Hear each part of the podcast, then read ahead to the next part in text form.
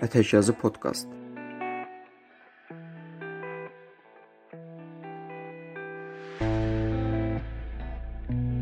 Otuz ildən sonra son vəziyyət. Urmiya gölü can verir.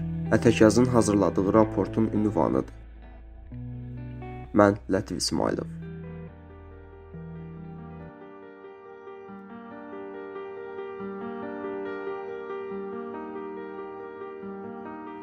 Son günlərdə Urmiya gölü Cənubi Azərbaycanda yenidən geniş şəkildə gündəmə gəlib. İyul ayının 16-sında Urmiya şəhərində kütləvi etiraz aksiyalarına səbəb olan bu məsələ ən az 30 illik keçmişə sahibdir.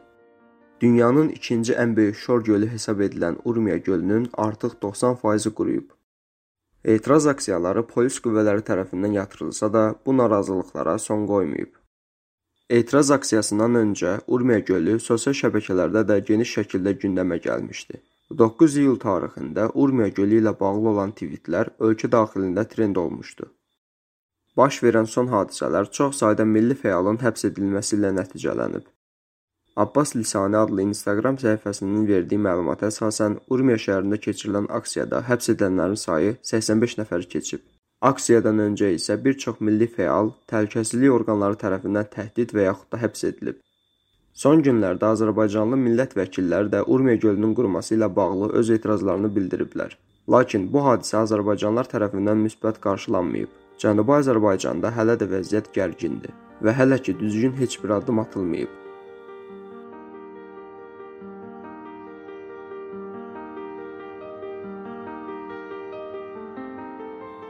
Tökülən qanlar qarşısında boş vədlər. Əslində Urmiya gölü məsələsi heç də yeni məsələ deyil. Bu haqqda ekspertlərin xəbərdarlıqlarından ən az 30 il keçib. Kütləvi şəkildə böhranın qabarmasından isə ən azı 12 il keçir. Lakin 30 il ərzində dövlət orqanları tərəfindən mənfi gedişatın qabağını alacaq heç bir addım atılmayıb. 31 il əvvəl Fidan və Toxum Yetişdirmə və Hazırlama İnstitutunun baş tədqiqatçısı Hüseyn Kavə Urmiya gölünün yaxınlığındakı su quyularının şorlaşması barədə xəbərdarlıq edib. Əkinçilik Nazirliyi, Enerji Nazirliyi və Şərqi və Qərbi Azərbaycan valilərinə ünvanlanan bu müraciət yeraltı su mənbələrinin azalması və yerinə şor suyun dolmasının diqqətə layiq məqam olduğunu bildirib.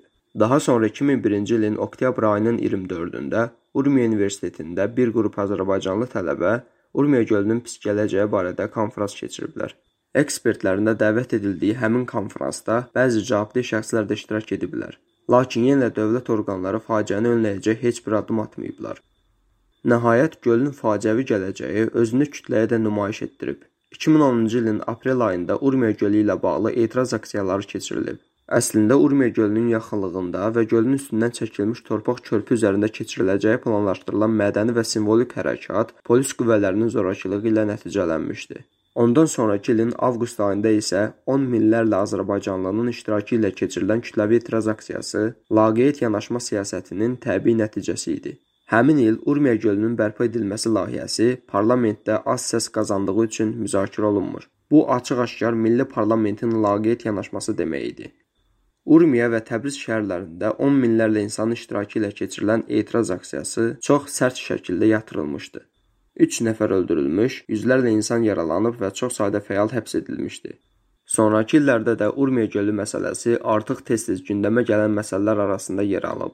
Traktor futbol klubu azarkeşlərinin sabit şüarına çevrilən məsələ populist siyasətçilərin də çörək ağacına çevrilib. Sonrakı prezident seçkilərinə namizəd olan Həsən Ruhani gölün bərpa edilməsi şüarı ilə çıxış etmişdi. Həmin istiqamətdə bu hədəf uğrunda bir institut da yaradıldı. Lakin sonralar aydın oldu ki, işin praktik tərəfində hər hansı ciddi bir iş görülməyib. Son prezident İbrahim Rəisi də yenə vədlərlə çıxış etdi. Lakin vəziyyətin daha da pisləşdiyi müşahidə olunur. Hazırda Urmiya gölü çox acınacaqlı vəziyyətdədir. Qərbi Azərbaycan Regional Su Şirkəti 40 il əvvəl Urmiya gölünün su həcminin 31 milyard kub metr olduğunu bildirmişdi. Hazırda həmin şirkətin verdiyi statistikalara əsasən onun həcmi 2 milyard 950 milyon kub metrə düşüb. Bu isə gölün 90%-nin quruduğunu bildirir.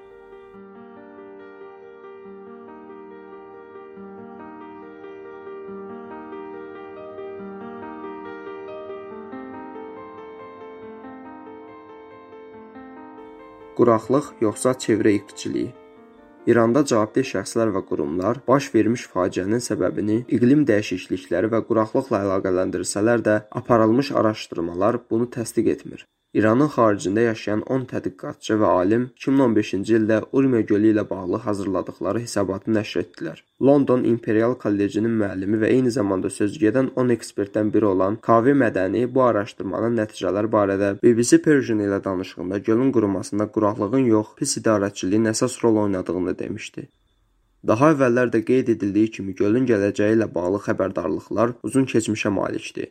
Lakin bütün bunlara baxmayaraq dövlətin hədsiz hesabsız beton sədd layihələri, korrupsiyaya bulaşmış idarəçilik, yeraltı su mənbələrindən haqq hesabsız su götürmə, gölü hardasa ikiyə bölən torpaq körpü layihəsi və s. faciənin daha da ağırlaşmasına səbəb olmuşdu.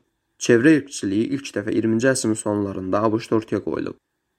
Ekoloji ədalət hərəkatının yaratdığı bu konsept ətraf mühit ədalətsizliyini irqçiliklə əlaqələndirirdi. Həmin hərəkatın başçılarından olan, eyni zamanda çevrə irqçiliyi sözünü ilk dəfə səsləndirən şəxs Benjamin Chavezə görə ABŞ-da zərərli tullantıları olan müəssisələrin etnik azlıqların yaşadığı yerlərdə olması irqçi siyasət nəticəsində baş verir. Çevrə irqçiliyi İranda da çox müşahidə olunan hallardandır. Başqa sözlə son zamanlar İranda ətraf mühit ilə bağlı məsələlər etnik azlıqların yaşadığı bölgələrin daimi probleminə çevrilib. Hakim etnik kimi tanınan fars etnikinə mənsub insanların yaşadığı vilayətlərdə ətraf mühit problemləri olmur. Olanda isə hakimiyyət onu çox anlayışla qarşılayır. Misal üçün, Urmiyada baş verən son Urmiya gölü aksiyalarını keçən il İsfahan şəhərində baş verən etirazlarla müqayisə etmək olar. Və yaxud ərəblərin və lorların yaşadığı yerlərdə çevrə məsələləri ilə bağlı etirazlarına dövlətin münasibəti və davranış tərzi İsfahandan çox daha sərt olmuşdu. Ərəblərə güllə atan dövlət İsfahanda meyvə şirəsi paylayırdı. Əslində İranda hökumət Urmiya gölü məsələsini öz boynundan atmaq istəsə də, xalq heç vaxt buna inanmayıb. 2011-ci ildə keçirilən etiraz aksiyalarında da ən çox səslənilən şüar Urmu gölü can verir, məclis onun qətlinə fərman verir idi. Bu dövlətin bilərəkdən belə böhrana yol verməsi demək idi. Demək olar ki, Cənubi Azərbaycan Urmiya gölünün ətrafında toplaşıb. Baş verən faciə isə Azərbaycan türklərinin ən həssas məsələsi kimi görünür. Çünki bu faciə nəticəsində güneydə ətraf mühit böyük ölçüdə ziyan görür. Bu da bölgədə yaşayan bütün canlıların həyatını birbaşa təhlükəyə atır.